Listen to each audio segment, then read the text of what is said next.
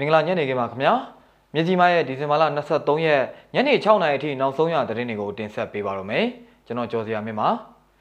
တောင်ကြီးမြို့ NLD ပါတီမြို့နယ်အမျိုးသမီးကော်မတီဥက္ကဋ္ဌဒုံဝင်းတွေဖမ်းဆီးခံလိုက်ရပါတယ်။တဝယ်မှာတော့စေဘေးရှောင်ဦးရေ300ကျော်အကူအညီလိုအပ်နေပါတယ်။ဖားကတ်မော်တီစာကျေးရွာမြေပြိုကျမှုမှာရုပ်လောင်းလေးလောင်းထပ်မံရှာဖွေတွေ့ရှိရပါတယ်။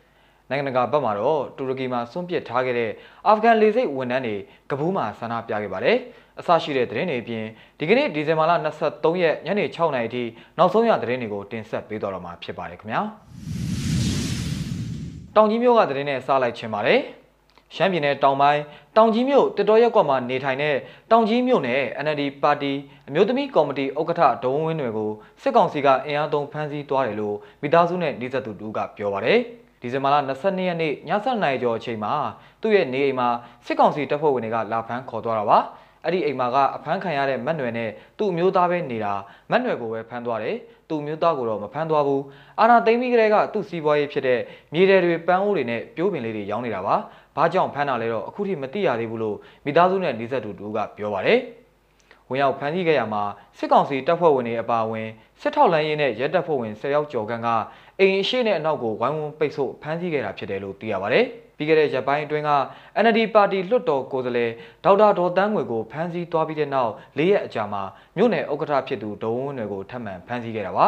လက်ရှိအချိန်ထိတော့ဒေါ်ဝင်းတွေကိုမြည်သည့်နေရာမှာဖမ်းဆီးထားကြောင်းမသိရှိရသေးပါဘူး။ The First New နဲ့ First Weekly News Channel သတင်းတော်ဟောင်းဖြစ်သူတောင်ကြီးမြို့နယ် NLD ပါတီအမျိုးသမီးကော်မတီဥက္ကဋ္ဌဒေါ်ဝင်းတွေခေါ်မတ်တွေဟာအိမ်တွင်းအကြမ်းဖက်မှုမရိမှုတွေနဲ့နေဆက်မှာပြန်ပေးဆွဲခံရမှုစတဲ့အမျိုးသမီးတွေနဲ့ပတ်သက်တဲ့ကိစ္စတွေများစွာမှာကူညီခဲ့သူဖြစ်တယ်လို့တောင်ကြီးမြို့နိုင်ငံရေးအတိုင်းအဝန်ထံကနေသိရပါတယ်ခင်ဗျာ။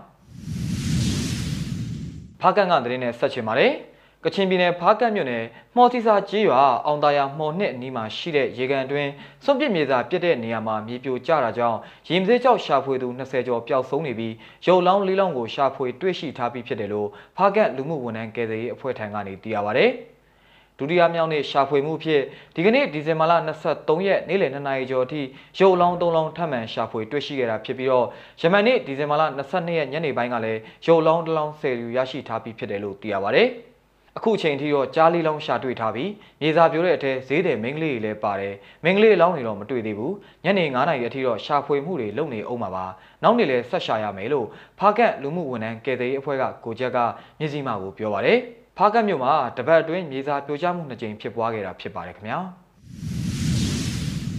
တဝဲမှာတော့စစ်ဘေးရှောင်ဦးရေ300ကျော်အကူအညီလိုအပ်နေပါတယ် သိန်းလိုက်တိုင်းထဝယ်မြို့နယ်မှာစစ်ကောင်စီက PDF စကန်တစ်ခုကိုဝင်ရောက်စီးနင်းပြီးတဲ့နောက်အနီးမှာရှိတဲ့ရွာနေရာကဒေသခံဥယေ300နီးပါးဘေးလွတ်ရာပြောင်းရွှေ့နေရပြီးအရေးပေါ်အကူအညီလိုအပ်နေတယ်လို့စစ်ဘေးရှောင်တွေကိုကူညီဆောင်ရွက်ပေးနေသူတွေထံကနေသိရပါဗျ။ မောင်မဲရှောင်ရွာနဲ့ခေါင်းတိုင်ပြင်ရွာအနီးမှာပြီးခဲ့တဲ့ဒီဇင်ဘာလ22ရက်နေ့ကစစ်ကောင်စီနဲ့ PDF တို့ကြားတိုက်ပွဲဖြစ်ပွားခဲ့တာဖြစ်ပါတယ်။အခုစစ်ဘေးရှောင်နေရသူတွေထဲမှာကလေးငယ်တွေတက်ကြီးရွယ်တွေလည်းပါဝင်နေတယ်။လက်တလုံးမှာတော့အနှွေးတွေနဲ့စားနပ်ရိက္ခာတွေလိုအပ်နေတယ်လို့ကူညီပေးနေသူတွေကပြောပါတယ်။လက်ရှိမှာခေါင်းတိုင်ပြင်ရွာနီးတစ်ဝိုက်မှာစစ်ကောင်စီကတပ်ဆွဲထားပြီးအင်အားမီများရှိတယ်ဘူးတော့မသိရသေးဘူးလို့ဒေသခံတို့ကပြောပါတယ်ခင်ဗျာ။ တူရကီကစွန့်ပစ်ထားခဲ့တဲ့အာဖဂန်လေဆိပ်ဝန်ထမ်းတွေကဘူးမှာဆန္ဒပြတဲ့နိုင်ငံတကာသတင်းကိုလည်းရှုစားရအောင်ပါ ကဘူးမှာနေတိုးတက်ဖြတ်မှုဒစိမ့်တစ်ပိုင်းအဖြစ်တူရကီကရခိုင်ကတာဝန်ပေးထားတဲ့အာဖဂန်လူမျိုး30ဦးခန့်ဟာဒီဇင်ဘာလ22ရက်ဗိုလ်ရူးနေ့ကဆန္ဒပြခဲ့ကြပြီးတာလီဘန်တွေအာဏာပြန်ရလာချိန်မှာအန်ကာရာက၎င်းတို့ကိုစွန့်ပစ်ထားခဲ့တယ်လို့ဆွဆွဲပစ်တင်ခဲ့ပါတယ်။အများအပြားဟာဩဂုတ်လ15ရက်မြို့တော်ကိုတာလီဘန်တွေမသိမ်းမီကကဘူးရှိစစ်ဖက်ဆိုင်ရာလေးစိတ်မှာစကပြန်တွေအဖြစ်သို့မဟုတ်နည်းပညာဆိုင်ရာဝန်ထမ်းများအဖြစ်လုပ်ကင်ခဲ့ကြတာဖြစ်ပါတယ်။ အဲဒီနောက်သတင်းပတ်အနှဲငယ်အကြာမှာ American စစ်တပ်ကဩဂုတ်လ31ရက်နောက်ဆုံးထားဆုတ်ခွာချိန်ထိလေးစိတ်ကိုသိမ်းပိုက်ထားခဲ့ပြီးအာဖဂန်လူမျိုး3,200ခန့်ကိုအရေးပေါ်ကယ်ထုတ်ခဲ့ပြီးအများစုဟာနှစ်20ကြာနိုင်ငံခြားတပ်စခန်းတွေနဲ့ဆက်ဆက်လုပ်ကင်ခဲ့သူတွေဖြစ်ပါတယ်။တရားမျှတမှုကိုလိုချင်ပါတယ်လို့ကပူးမြို့ရှိတူရကီတန်ယုံရှိမှာကြွေးကြော်ခဲ့ကြပြီးမိမိတို့အနေနဲ့ဒီဇင်ဘာလ31ရက်ထိအောင်အကျုံးဝင်တဲ့စာချုပ်တွေချုပ်ဆိုထားပေမဲ့ပြောင်းရွှေ့ကယ်ဆယ်မှုစတင်ချိန်ကစပြီးယခုချိန်ထိအောင်လိုက်ပါခွင့်မရခဲ့ဘူးလို့ဆိုပါတယ်လူထုဆန္ဒပြပွဲတွေကိုတားမြစ်ထားတဲ့တာလီဘန်က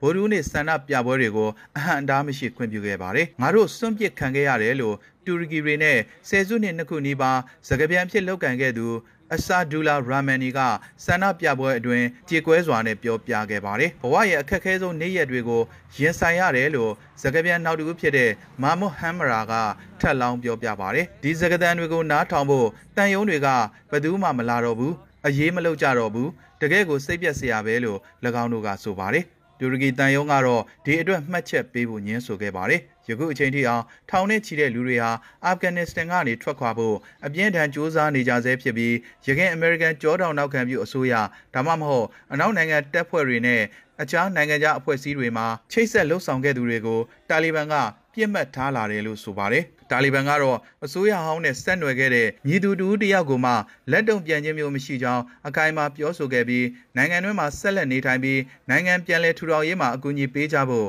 အာဖဂန်ပြည်သူတွေကိုတာလီဘန်ကမြစ်တာရက်ခံထားပါတယ်။အာဖဂန်နစ္စတန်ဟာကမ္ဘာအစိုးရဆုံးလူသားချင်းစာနာမှုဆိုင်ရာကပ်ဘေးရဲ့ကြောက်ကမ္ဘာအစွန်းကိုကြားရောက်နေပြီလို့ကုလသမဂ္ဂကသတိပေးထားပြီးဆိုးရွားတဲ့စီးပွားရေးအကျက်အတဲအတွင်းကိုတိုးဝင်နေပါတယ်။ မြစီမားရဲ့ဒီဇင်ဘာလ23ရက်ညနေ6နာရီအထိနောက်ဆုံးရသတင်းတွေကိုတင်ဆက်ပေးခဲ့တာပါမြန်မာပြည်သူပြည်သားအပေါင်းဘေးရန်ရဲ့အမျိုးမျိုးကနေကင်းဝေးကြပါစေခင်ဗျာ